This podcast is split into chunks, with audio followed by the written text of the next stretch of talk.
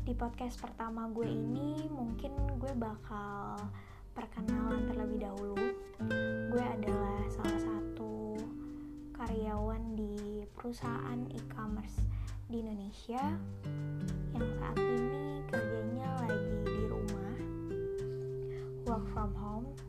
Jadi ada waktu lebih buat gue bisa beraktivitas gue harap di podcast kali ini gue bisa lebih produktif lagi menyampaikan rasa yang dulu mungkin ceritanya hanya gue simpan sendiri hanya gue pikirin sendiri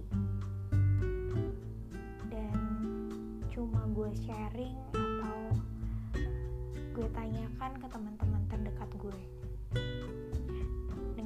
podcast ini gue harap gue bisa eksplor rasa yang pernah gue rasain untuk bisa gue bagiin ke teman-teman atau uh, ke pendengar podcast.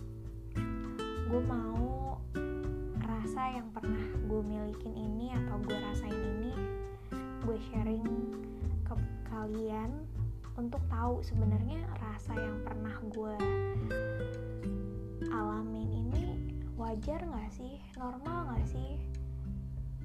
Apakah orang lain merasakan hal yang sama juga? Atau mungkin hanya kekhawatiran gue aja yang berlebihan? Dan gue sih berharap podcast ini juga bisa jadi eksplorasi buat orang lain dan berbagi rasanya dari mereka untuk gue biar bisa dijadiin pembelajaran bersama untuk ke depannya. Sekian podcast gue pertama ini. Bye